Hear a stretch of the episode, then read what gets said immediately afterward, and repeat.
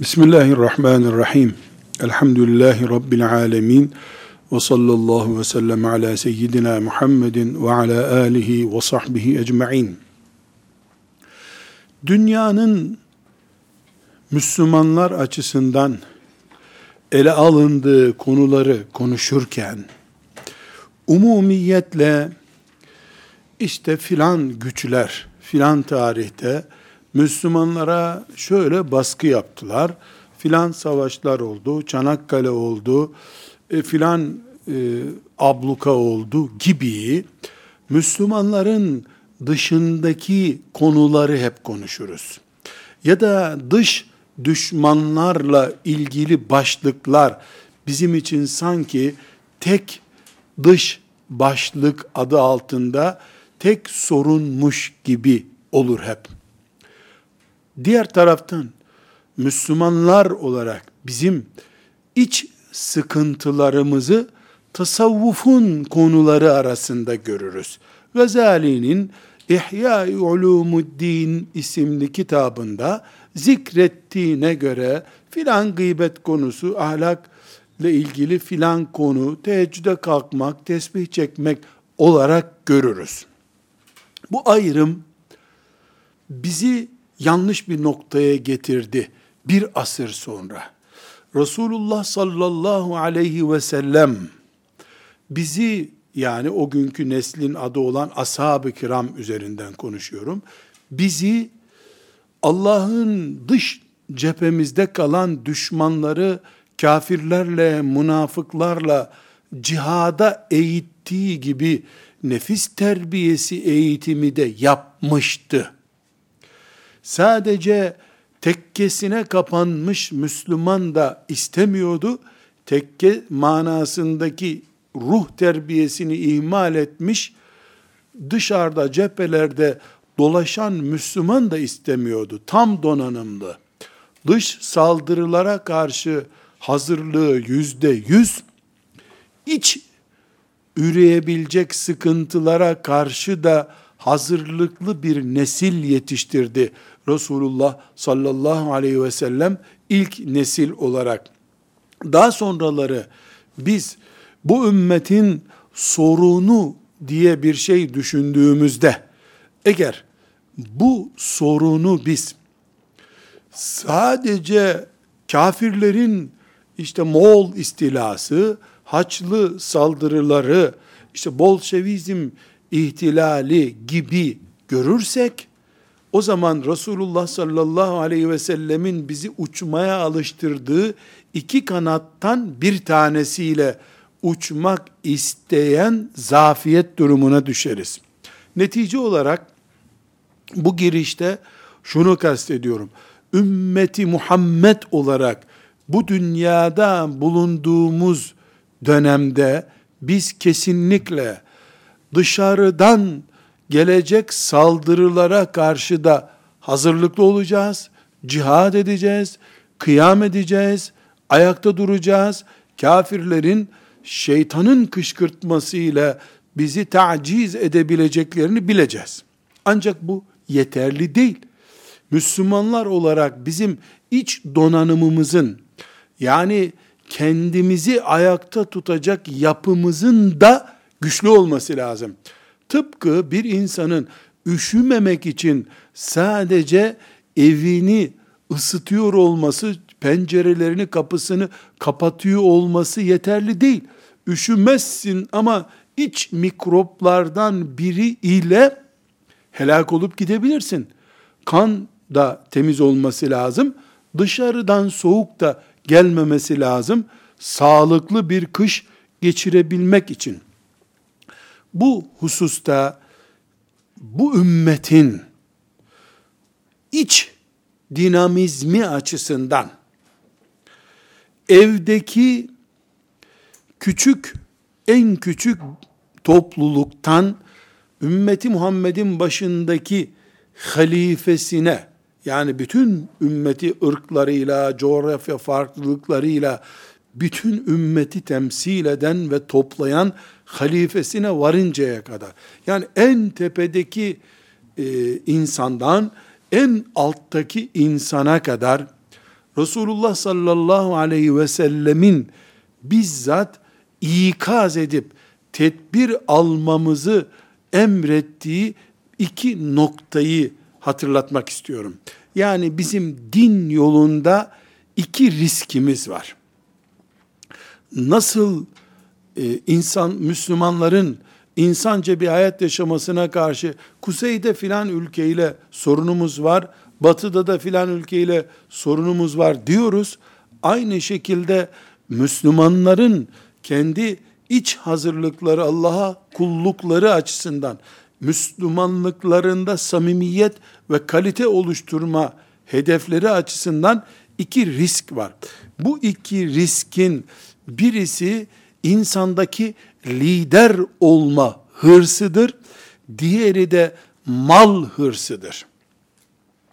Bu iki hırs her Müslüman için söz konusudur. Allahu Teala'nın masum kıldığı ve korumayı murad ettiği peygamberleri elbette bunun istisnasıdır. Üç, beş kulu, on kulu, yüz kulu, aşere-i mübeşşere gibi e, gayret edip, himmet edip, şeytanı çıldırtacak bir gayretle bu hatalardan, nefislerinin e, tehditlerinden korunmuşlardır. Ayrı bir mesele. Ama ilkokul çocuğunda da bir lider olma, birisinin ona abi demesi arzusu vardır. 40 yaşındaki bir insanda da vardır. 80 yaşındaki bir insanda da vardır. Camide namaz kılanlara bir dernek kuralım da bu dernekte bir kişi e, başkan olsun dendiğinde de bu hırs hemen devreye girer. Yahu İslam devletinin başına kimi geçirelim dendiğinde de bu hırs devreye girer. Bizim Müslüman olmuş olmamız, Kur'an biliyor olmuş olmamız içimizdeki hırslarımızı yok etmiyor ki. Açlık e, güdümüz devam ediyor. Sevme, nefret etme duygularımız devam ediyor. Üşüyoruz, terliyoruz. Yani Müslümanız diye insanlığımızı bırakmadık. İnsani, insani kimliğimize rağmen Müslümanlık ölçülerimizden taviz vermediğimiz için zaten Allahu Teala bize rızasını e, veriyor ve cennetiyle bize taltifte bulunuyor Allahu Teala. Burada aziz kardeşlerim bir hadisi şeriften yola çıkarak bu iki tehlikenin Müslümanların mal riskiyle kulluk yapmaya devam etmelerinin ve Müslümanların birbirlerine cami derneğinde, spor kulübünde, kooperatifte, bir vakıfta, bir partide, nerede bulunuyorsa Müslüman, her yerde birbirine karşı ben önde olayım arzusunun tehdit, tehdit oluşturma boyutunu Tirmizi'den bir hadisten naklederek burada konuşacağım inşallah ve bunu ümmeti Muhammed'in bugün bir yerlerde bir şeyler yapmamız lazım. Ama niye yapamıyoruz ya? Niye Müslümanlar filan yerde filan işi yapamıyorlar? Yahut da filan yerde 10 senedir Müslümanlar savaş altındalar. Hala birleşemediler. Farklı gruplarla bu savaşı devam ediyorlar. Niye bölünüyorlar gibi sorulara cevap veriyoruz. Yalnız bunu iyi anlamak için iyi anlamak için bir örnek zikredeceğim. Biri 7 yaşında, biri de 5 yaşında. Yahut da biri 5 yaşında, biri 3 yaşında iki kardeşin bulunduğu bir yerde. Siz kardeş misiniz diye sorun. Büyük çocuk yok ben abisiyim bunun diyecektir size. Yani abi kardeş olmuyor mu? İşte bahsettiğimiz hırs bu hırstır. Ben abim. Ben abim. Bu ben abim sözü ya ben bu kooperatifin başına geçerim ya da dağıtırım bu kooperatif olacaktır 30 sene sonra. Bunu madem böyle bir ilaç geliştirilip genetik bir ilaçla insanlardan önlenmeli mi bu? Hayır. Bu insanlarda olmasa yarış olmaz bu hayatta. Bu yarış olmayınca da takaddum olmaz, ilerleyemeyiz. donup kalır bu hayat. Sıkışıp kalırız. Mecburen bir hırs olması lazım. E peki bu hırsı risk gördük. Evet, şeriatın kontrolü dışında olduğu zaman, Peygamber sallallahu aleyhi ve sellemin terbiyesiyle terbiyelendirilmemiş hırslar, kendisi için de, çevresi için de, ümmet için de zarar. Ömer bin Hattab radıyallahu anh'ta da bu hırs vardı. Ama Allah'ın sözünü duyunca Ömer diye biri yoktu piyasada. Resulullah dedi ki denince bitiyordu her şey. O şekilde kontrol edilmiş bir hırsın hiçbir sakıncası yok. Ve gerekli takaddüm olmaz. Ne teknoloji ilerler, ne siyasette bir ilerleme olur, ne tarımda bir ilerleme olur. İnsan olduğu yerde sayıklamaya başlar insanoğlu. Muhakkak geçme, daha önde olma hırsı olmalı. Ama bu hırs uğruna din ve insanlık feda edilmeden olmalıdır bu. Herkes yarışa, yarışmayı emreden Allah'tır bir defa. Vesari'u diye emreden Allah'tır. Müslümanlıkta yarışmak gerekiyor. İnsanlıkta yarışmak gerekiyor. Çiğneye çiğneye değil. Hak ede ede basamak yüksele yüksele herkes yükselmelidir. Eğer bu kapitalist mantığa veya çok fazla kazanma hırsına kaptırılıp götürülmüş bir hırs olursa liderlik başkalarını köle görme anlayışına dönüşür. Mal kazanma hırsı haram mefhumunu kafadan kaldırır. Her şeyi mubah hale getirir. Şeriatın eğitiminde Peygamber sallallahu aleyhi ve sellemin terbiyesinde kaldığı sürece hırs sakıncalı değil. Gerekli üstelik. Üstelik de gerekli. Sınıfta öğretmen 40 öğrenciyi imtihan ettiğinde herkese aynı puanı verirse kasıtlı bir şekilde bir daha kimseyi çalıştıramaz. Üç kişinin yüksek puan, beş kişinin zayıf puan alması o sınıfta yarış nedenidir. Şimdi hadisi şerife geçebiliriz. Tirmizi'de 2376. hadisi şerif. Defalarca duymuş olma ihtimalimiz olan bir hadis-i şeriftir. Bugün bu mantıkla bir kere daha bu hadisi şerifi inşallah anlamaya çalışacağız. Allahu Teala'dan anlamamızı kolay kılmasını niyaz ediyorum. Efendimiz sallallahu aleyhi ve sellem buyuruyor ki, bir insanın mal ve önderlik hırsı o insanın dinine zarar verirken iki aç kurdun sürüye verdiği zarardan daha fazla zarar verir. Neyi kıyaslıyor Efendimiz sallallahu aleyhi ve sellem? İki tane aç kurt bir sürüye saldırıyor. Sürüde bir telef oluşacak. Hayvanları telef edecek bu iki kurt. Bir de insan, Müslüman insan çünkü dinden söz ediyoruz, mal hırsını salı veriyor. Veya önder olma, lider olma hırsını salıyor. Yani şeriat terbiyesinin dışına kaçarak lider olmak istiyor. Mal kazanmak istiyor. Bu Müslümanın kendi dinine, dindarlığına verdiği zarar, iki kurduğun sürüye verdiği zarardan daha fazladır. Diyor sallallahu aleyhi ve sellem Efendimiz. Burada neden Resulullah sallallahu aleyhi ve sellem bir kurdun koyunlara verdiği zarar demiyor? İki kurdun sürüye verdiği zarar diyor. Bu çok önemli. Çünkü iki kurt bir koyun sürüsüne saldırdığında neticede birer tane koyunu ancak yerler. Ama kurt hiçbir zaman bir koyun kapıp kaçmazmış.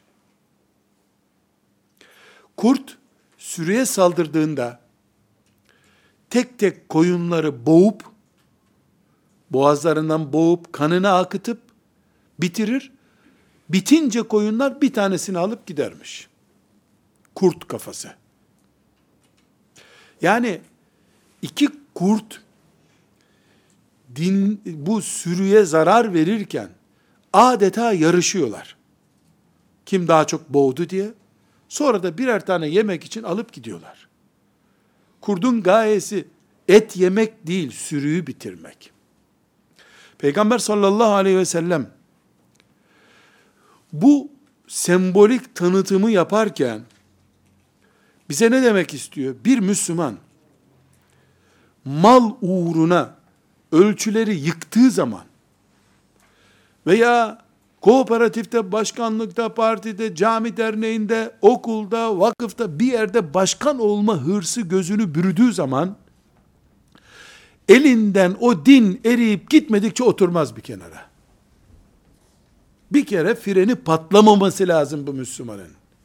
Freni patladıktan sonra Müslüman kendini kontrol edemeyebilir buyuruyor sallallahu aleyhi ve sellem Efendimiz. Burada çok net bir şekilde anlıyoruz ki Resulullah sallallahu aleyhi ve sellem ümmetinin geleceğinde dernekler arasında, vakıflar arasında, cemaatler arasında bir liderlik kavgasının olacağını biliyordu. Allah bildirdi ona. Namazda abdestiniz bozulunca şunu yapacaksınız diye öğrettiği gibi bu hırsa karşı tedbir almayı da öğretti. Aynı şekilde ümmetinin haram malı bile bir numarayla, bir kamuflajla kasasına koyabilecek kadar gözü dönecek kimseleri barındıracağını da biliyordu sallallahu aleyhi ve sellem Efendimiz. Bunu da ikaz etti. Nitekim Bukhari'nin 7147. hadisi şerifine bakıyoruz. Resulullah sallallahu aleyhi ve sellem buyuruyor ki, siz, kendisinden sonraki günleri kastederek, siz, liderlik peşinde hırslanacaksınız. Ama bu sizin için kıyamet günü pişmanlık olacak, haberiniz olsun. Bu liderlik uğruna da, Resulullah sallallahu aleyhi ve sellemin Medine-i Münevvere'de ihbar ettiği bu liderliğe hırslanma uğruna da Kerbela'da torunu bile hunharca şehit edildi. Radıyallahu anh. Bunu sadece siyasetteki liderlik ihtirası olarak göremeyiz. Asla göremeyiz. Eğer biz bunu bir ders mantığıyla, yani ümmetimizin iç eğitimiyle ilgili bir konu olarak görüyorsak, öyle görmemiz gerekiyor. Bunu evde, ağabey benim, ben ağabeyim, diyen, ya da abla benim, diyen ve kardeşler üzerinde otorite kurmaya başlayan çocukluk sürecinden itibaren almak zorundayız kulüp başkanı, oyun oynarken takımda başkanlık, kaptanlıktan devam ettirmeliyiz. Siyasete kadar çıkarabiliriz. Ben halife olacağım, sen olmayacaksın.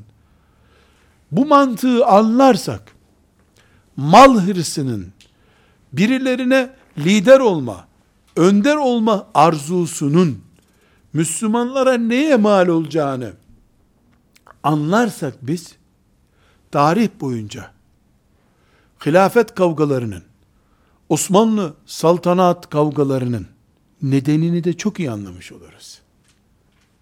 Ümmete hizmet etmek, şehit topraklarını korumak gibi şehzade edebiyatlarına inanmayabiliriz o zaman işte.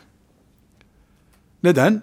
Elbette şeytan öldür abini de geç onun tahtına diye direkt söylemeyecek. O beceremiyor sen daha iyi becerirsin diye bir nasihatte bulunacak.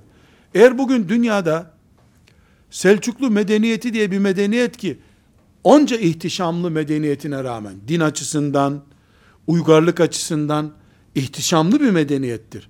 Ne yazık ki çok kısa sürmüştür.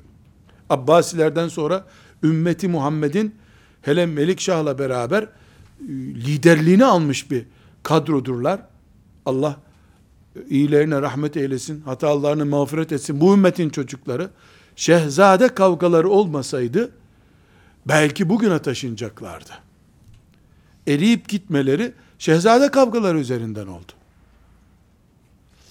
Kadınların yönettiği yani anaların kendi doğurduğu iki çocuk arasında yeri geldiğinde önceki çocuğunu e, sahiplenip öbür çocuğuna onu öldürttürdüğü sahneler görüyoruz tarihte.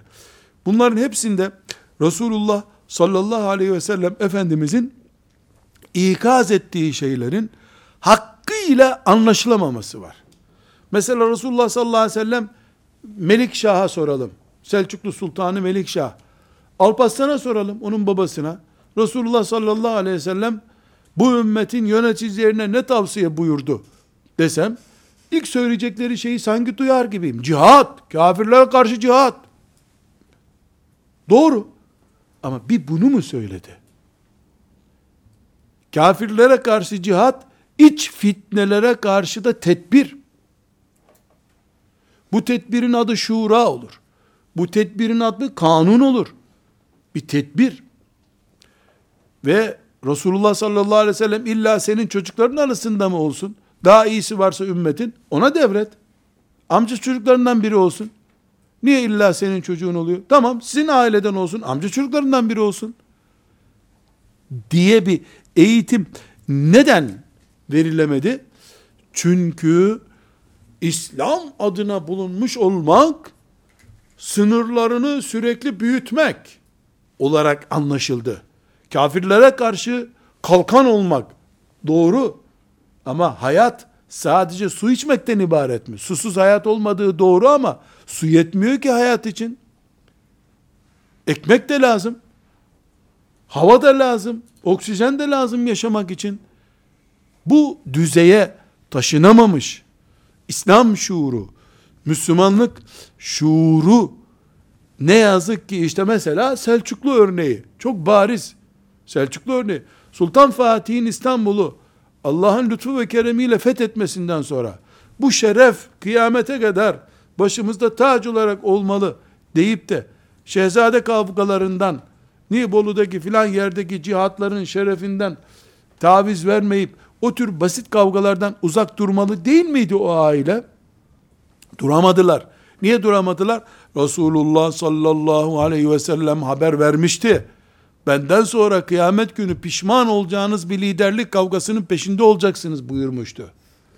Kıyamet fitneleriyle, Mehdi ile, Deccal'la meşgul olduğu kadar Müslümanlar onların yöneticilerinin cami derneğindeki yöneticisinden halifesine kadar, şehzadesine kadar yöneticilerinin bu ihtiraslarıyla ilgili de eğitim bilmeliydiler. Ben şimdi bir yerde desem, ya keşke sultanların çocukları 10 dil, 15 dil biliyormuş gibi bir şey yapacak yerde ümmet uğruna yapılabilecek fedakarlıklar diye bir eğitimden geçmiş olsalardı. Onların kılıç bilmelerinden, kalkan kullanmalarından daha önemliydi. Abileriyle çarpıştıkları zaman, fedakarlık yapmadıkları zaman ümmete bunun neye mal olacağını bilmiş olsalardı, bugün biz ümmet olarak daha iyi durumda olurduk. Kuru bir tenkit değil bu. Ama bir ders bu. Bugüne biz kendimize ders çıkarmalıyız. Bir kooperatifi de Müslümanlar olarak kaybetmemek için bunu yapmamız lazım. Bir spor kulübü de elimizde kalsın derken bu mantığa sahip olmak zorundayız biz. Yani biz içimizde mal biriktirme arzusunu sıfırlayamayız hiçbir zaman. Lider olma arzumuzu sıfırlay sıfırlayamayız hiçbir zaman. Ama şeriata teslim ederiz. Bütün duygularımızı Allah'ın izniyle hata etmemiş oluruz o zaman. Bu beraberinde insanların her işe burunlarını sokmaması gerektiği gibi bir ciddiyet de getiriyor. Yani herkes vakıf başkanı olmalı değil. Herkes cihat cephe komutanı olmalı gerekmiyor olması gerekmiyor. Becerebildiği şeyler var Müslümanların. Alimlerin becerebildiği şeyler var. Her alim muhakkak cemaat önderi olması gerekmiyor ki. Alimlik başka şey. İnsanları sevk idare etmek başka şey. Bunu kabul etmek gerekiyor. Burada yine Bukhari ve Müslim'in rivayet ettiği çok önemli bir hadis-i şerif var. Abdurrahman İbni Semure radıyallahu anh Efendimiz sallallahu aleyhi ve sellemin e, bir nasihati var. Bu nasihati ben bir sınıfta sınıf başkanı olacak genç yavrularıma da hatırlatıyorum. Bir caminin dernek başkanına da hatırlatıyorum. Bir vakıf başkanına da hatırlatıyorum. Bir yolculukta bu yolculuğun organizatörüsün sen diye temsil edilecek birisine de hatırlatıyorum. Ümmeti herhangi bir yerde yöneten birine de hatırlatıyorum. Abdurrahman İbni Semura radıyallahu anh'a Efendimiz sallallahu aleyhi ve sellem buyuruyor ki Abdurrahman buyur Resulullah diyor. La tes'elil imarete. Sen bir yerin lideri olmayı isteme. Fe inneke in utiteha an mes'eletin vukilte ileyha. Sen lider olmanın peşinde koşarsan Allah seni onunla baş başa bırakar. Ve in utiteha min gayri mes'eletin u'inte aleyha. Hayır, sana illa gel, lider ol denirse burada Allah sana yardım eder. Başka bir hadiste bakıyoruz Efendimiz sallallahu aleyhi ve sellem biz isteyene değil hak edene görev veririz buyuruyor. Bu dini standartlarımızdan birisi. İsteyene değil hak edene bu görevi vereceğiz. Burada Efendimiz sallallahu aleyhi ve sellemin hadisi şeriflerinden yola çıkarak bir mantık oluşturmaya çalıştık. Burada e, herhangi bir şekilde siyasi liderliğin, vakıf yönetiminin, cami derneğinin nasıl yapılacağını konuşmak istemiyorum. Konuşmak istediğim şu, insanız. Müslüman olduk, yine insanız. Rabbimiz Müslüman olunca bağırsaklarımızı çıkardı mı midemizden abdestimiz bozulmasın diye. Yok bağırsaklarımızla rağmen hala Müslümanız elhamdülillah. Namaz kılıyoruz abdestimiz bozulunca da abdest alıyoruz. Aynı şekilde mal hırsımız ve lider olma arzumuz içimizde var bizim. Kimimiz evinin ağası olacak çaptadır. Kimisi muhtar olmayı arzu edecektir. Kimisi 10 şubesi bulunan bir derneğin başkanı olmak isteyecektir. Hepimizde bir boyutta bu var. Bizim çocuklarımızı Kur'an'la buluşturmayı eğitim kabul ettiğimiz gibi insanın içindeki mal hırsını ve lider olma arzusunu da eğitim konusu haline getirmeliyiz. Vakıf yöneticilerimiz bu konudaki hadisi şerifleri, ayetleri bilmelidirler. Lider olmanın, vakıf başkanı olmanın, dernek başkanı olmanın peşinde koşmanın sünnete aykırı olduğunu bilmelidirler. Eğer bu mantığa sahip olamazsak o zaman dış sorunlarla uğraşıyorum, cihat ediyorum, işte Çanakkale'yi korudum derken, Çanakkale'ye rağmen şehzade kavgalarının olduğu bir payitahtta yaşarsın. Peki bu iki saat ders yaparak, seminer alınarak halledilecek bir sorun mu? Hayır, bu insanlık sorunu. Adem aleyhisselamdan beri var bu. Habil ile Kabil arasında da vardı bu bu üç günlük bir eğitimle, dört uyarıyla çözülecek bir şey değil. Bu ilk gün vardı, son insana kadar devam edecek. Tıpkı namaz gibi. Namaz beş sene kılınınca profesyonelleştik, emekli olduk oluyor mu? İlk kıldığın namazla 60 sene sonra ömrün varsa kıldığın sabah namazı aynı. Aynı namazı aynı eğitimle kılıyorsun. 60 sene sonra yüzde on indirim yapıyor mu melekler namazda? her yüz günde on gün sabah namazına kalkmayabilirsin deniyor mu kimseye? Son kıldığın namazla ilk kıldığın namaz aynı namaz. Bu hırs eğitimi de bizden önceki nesillerde olmalıydı.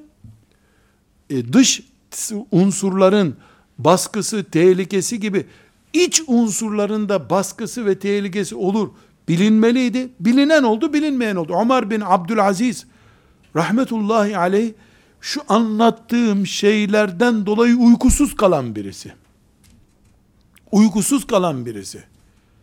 Kendisine hilafet getirildi, teslim edildi. Buyur halifemizsin dediği, dendiği gün ağlayan birisi. Minbere çıkıp Müslümanlar alın şu derdi benden. Ben bu işin adamı değilim diyen birisi. Böyle insanlar oldu bu ümmetin içinde. Sultan Murat oğlu Fatih'e kendi eliyle küçücük çocuk olduğu halde saltanatını teslim etti. Bu da bir fazilet çeşidi. Ümmeti Muhammed sallallahu aleyhi ve sellem eğitim yaptığında bu da içinde bulunan bir eğitim yapar. Mesele sadece setri avret meselesi değil. Bizim avretimizin örtülmesi gerektiği gibi bu tip içimize Allahu Teala'nın imtihan için koyduğu bu tip e, ihtiyaçlarımızın da örtülmesi lazım bu dünyada. Aksi takdirde dış düşmanla meşgul olurken kendi kendimize iç düşmanlarımıza mağlup oluruz. Bu mağlubiyetimizde ne yazık ki birbirimizin katliamı şeklinde olur. Ve hiçbirimiz şehit olamayız. Hiçbirimiz gazi olamayız. Müslüman, Müslümana ihtirasla saldırdığında mal için veya onun önüne geçme arzusu için kendisi de helak oluyor, başkasını da helak oluyor. Burada küçük bir not özellikle zikretmekte fayda var. Bütün bu baştan beri iki aç kurt örneğiyle aleyhissalatü vesselam Efendimizin başlayarak zikrettiğim ne varsa tamamı hem din alanında hem de e, dünyevi işlerle ilgili alanlar için geçerlidir. Mesela çok net bir örnek tarihimizde saltanat, şehzade kavgaları olduğu gibi onlardan çok daha fazla şeyhlik kavgaları da vardır. Şeyh ölünce yani Allah dostları olacağını düşündüğümüz insanlar kavgalar etmişlerdir. Çünkü neticede şeyh efendinin bıraktığı posta geçmek de bir makamdır. Evet bir parti başkanlığı değil, evet bir devlet başkanlığı değil mi? O da bir force neticede. Yani ister dünyevi bir makam için olsun, bir mesela bir valilik olsun, bir belediye başkanlığı olsun, ona bir hırs taşıyordur insanlar. Bu hırs dini makamlar içinde vardır. Bunu tarihte biz şeyhler arasında görebiliriz. Şeyh insan çünkü. Tamam ehli zikir, tamam fazilet erbabı ama onun da o günkü imtihanı vardı. İşte orada düştü o da. Alimler arasında da var bu. Öğrencilerine karşı talebeleri kavga ederken de görebilirsin. Birisi sınıf başkanı olmak istiyordur. Öbür günde hocaları birbiriyle kavga ederken görebilirsin. Birisi filanca konuda kendini daha üstün görüyordur. Okul müdürü olmak için, medrese başı olmak için, başmolla olmak için, müderris am olmak için her noktada insan bir nokta üstü varsa bir şeyin oraya taliptir muhakkak. Ama bu şeriat terbiyesiyle olmalıdır. Bu gerektiğinde ümmetimin maslahatı uğruna ben bunu en iyi yapacağımı bildiğim halde madem ki bu huzursuzluk nedeni olacak selamun aleyküm ben çekiliyorum demesini bilenlerin işidir. Çünkü mal ve lider olma beklentisi şeytan için nüfuz alanlarından birisidir. Yoksa haram haram değil mal. Yani mal demek haram demek değil. Önder olmak, lider olmak suç değil, günah değil. Ölçüsüz kalmak, istişaresiz yapmak, kendini tek zannetmek, alternatifsiz zannetmek. Beni göndermeseydi Allah hiç kimse bu ümmeti kurtaramazdı. Ben kurtardım. Bağdat yoksa gitmişti. Düşündüğün zaman yanlış yapmış oluyorsun. Ben Allah'ın bu işle imtihan edilmiş kuluyum diye gördü Ömer radıyallahu anh full başarıyla bitirdi bu işi o zaman. Allah beni bu işte imtihan ediyor dedi. Ebu Bekir radıyallahu anh iki sene ümmetin başında kaldı ama Allah'ım bu, bu imtihanı nasıl kaldıracağım diye gözyaşı akıttı hep. Oh be hatıra fotoğrafı çektirelim diyecek bir noktada hiç kendilerini görmediler. Yani malda Allah'ın hakkı var. Zekattan sadakaya kadar. Bunu bilip de helal bir şekilde kazanıp malı helal bir şekilde infak ettiği zaman Ebu Bekir olursun sen. Radıyallahu anh. Bir sıkıntı yok ki. Malda sıkıntımız yok. Bir vakfın başkanı olmak, bir kooperatifin başkanı olmak, hizmettir üstelik bunlar. Fazilettir. Ama Allah adına orada durduğun zaman, helale, harama riayet ederek, e, Allah adına orada hakkaniyeti yerine getirerek gibi, yani yapılacak işleri yapmak için orada durduğun zaman, berekettir senin durduğun. Ne mutlu sen oradasın. Neresiyse orası artık.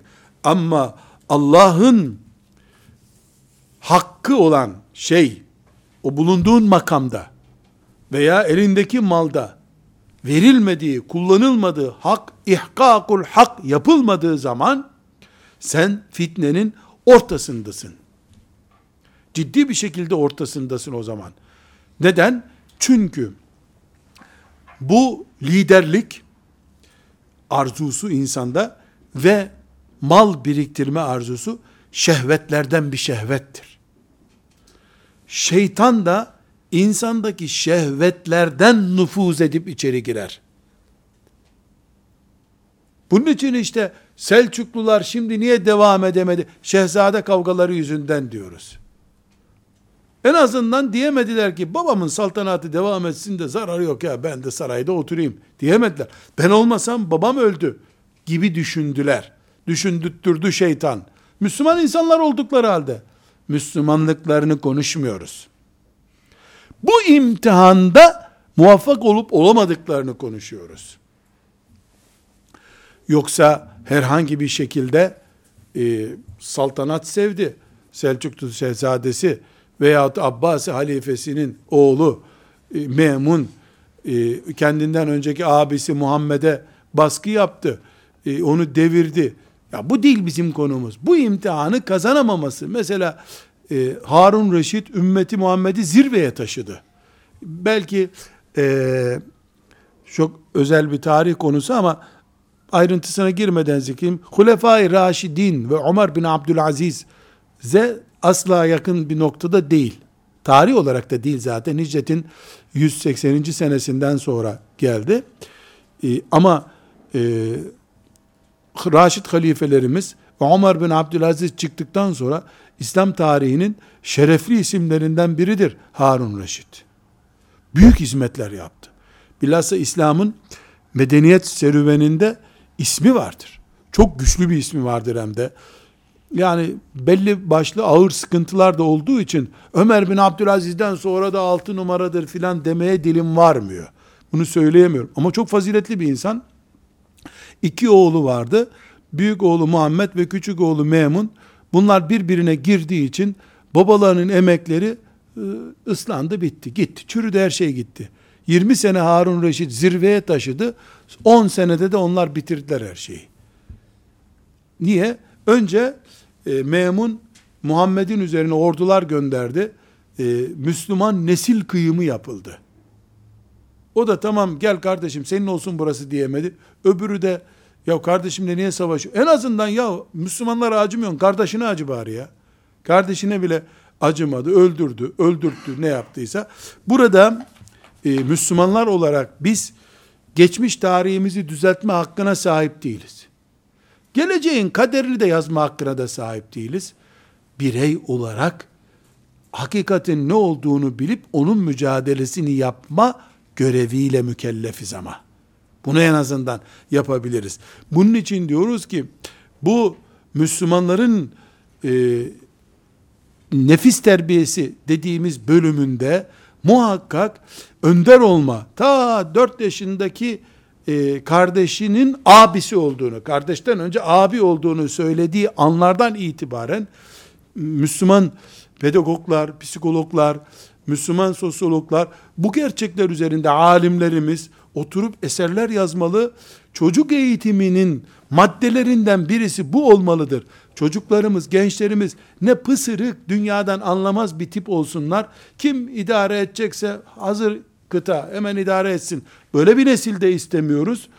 Kardeşiyle savaşacak kadar e, tamahı gözünü bürümüş, hırsı gözünü bürümüş nesil de istemiyoruz. Ümmetimiz bundan kaç medeniyet kaybetti bu yüzden.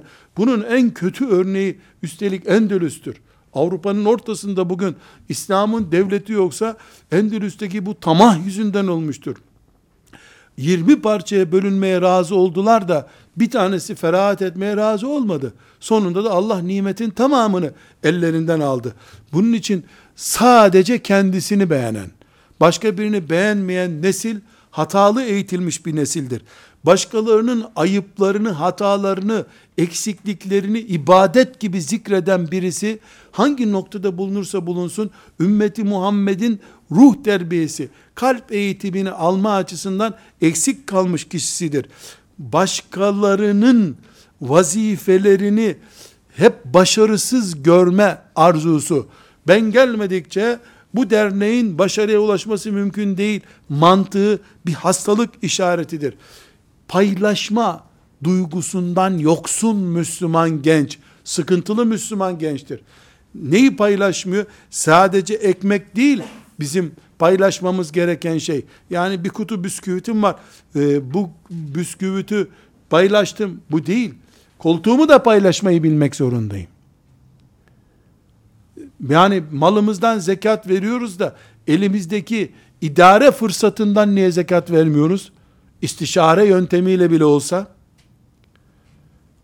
yani her şeyi ben yiyeceğim diyen Karun da yanlış yolda benden başka kimseyi doğru bilmez. Ben olmasam bu vakıf batar.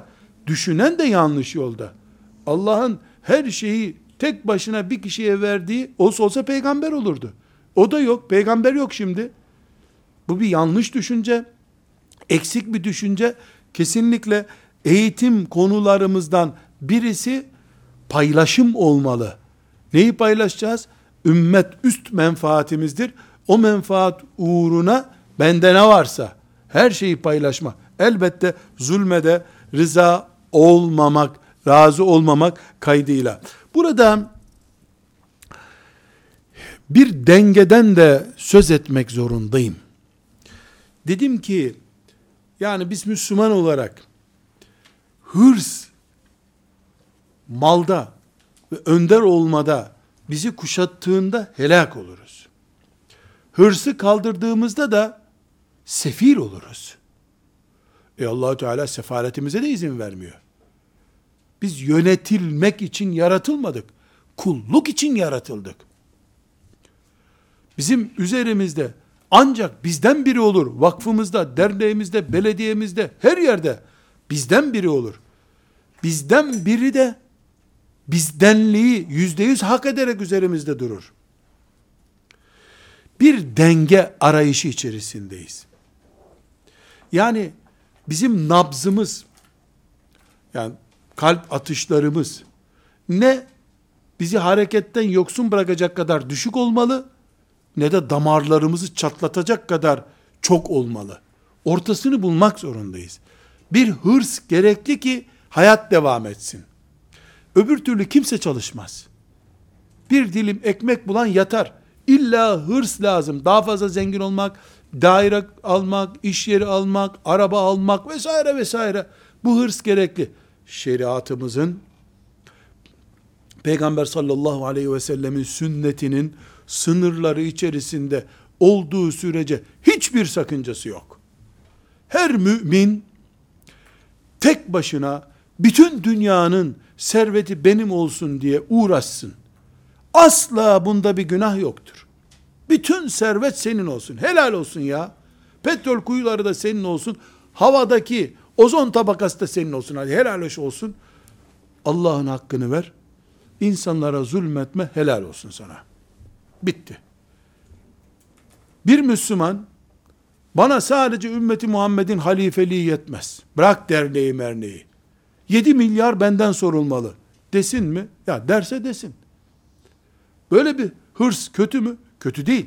Ne zaman kötü değil? Allah'ın şeriatı seninle beraber olacak mı? 10 dakika sonra kabre girecek bir ölü adayı olduğunu biliyor musun sen? Allah'ın huzurunda hesap vereceğini biliyor musun? Allah'tan kork dendiğinde estağfurullah ne yaptım diyecek bir iman canlı mı sende? Canlı. Dünya senin olsun. Uzay da senin olsun ya. Merih'te de bir şube aç sen. Helal hoş olsun sana. Sıkıntı hırsta değil. Kurt kafalılıkta. Kurt karnını doyurmak için kuzuya saldırmıyor. Kuzu düşmanı.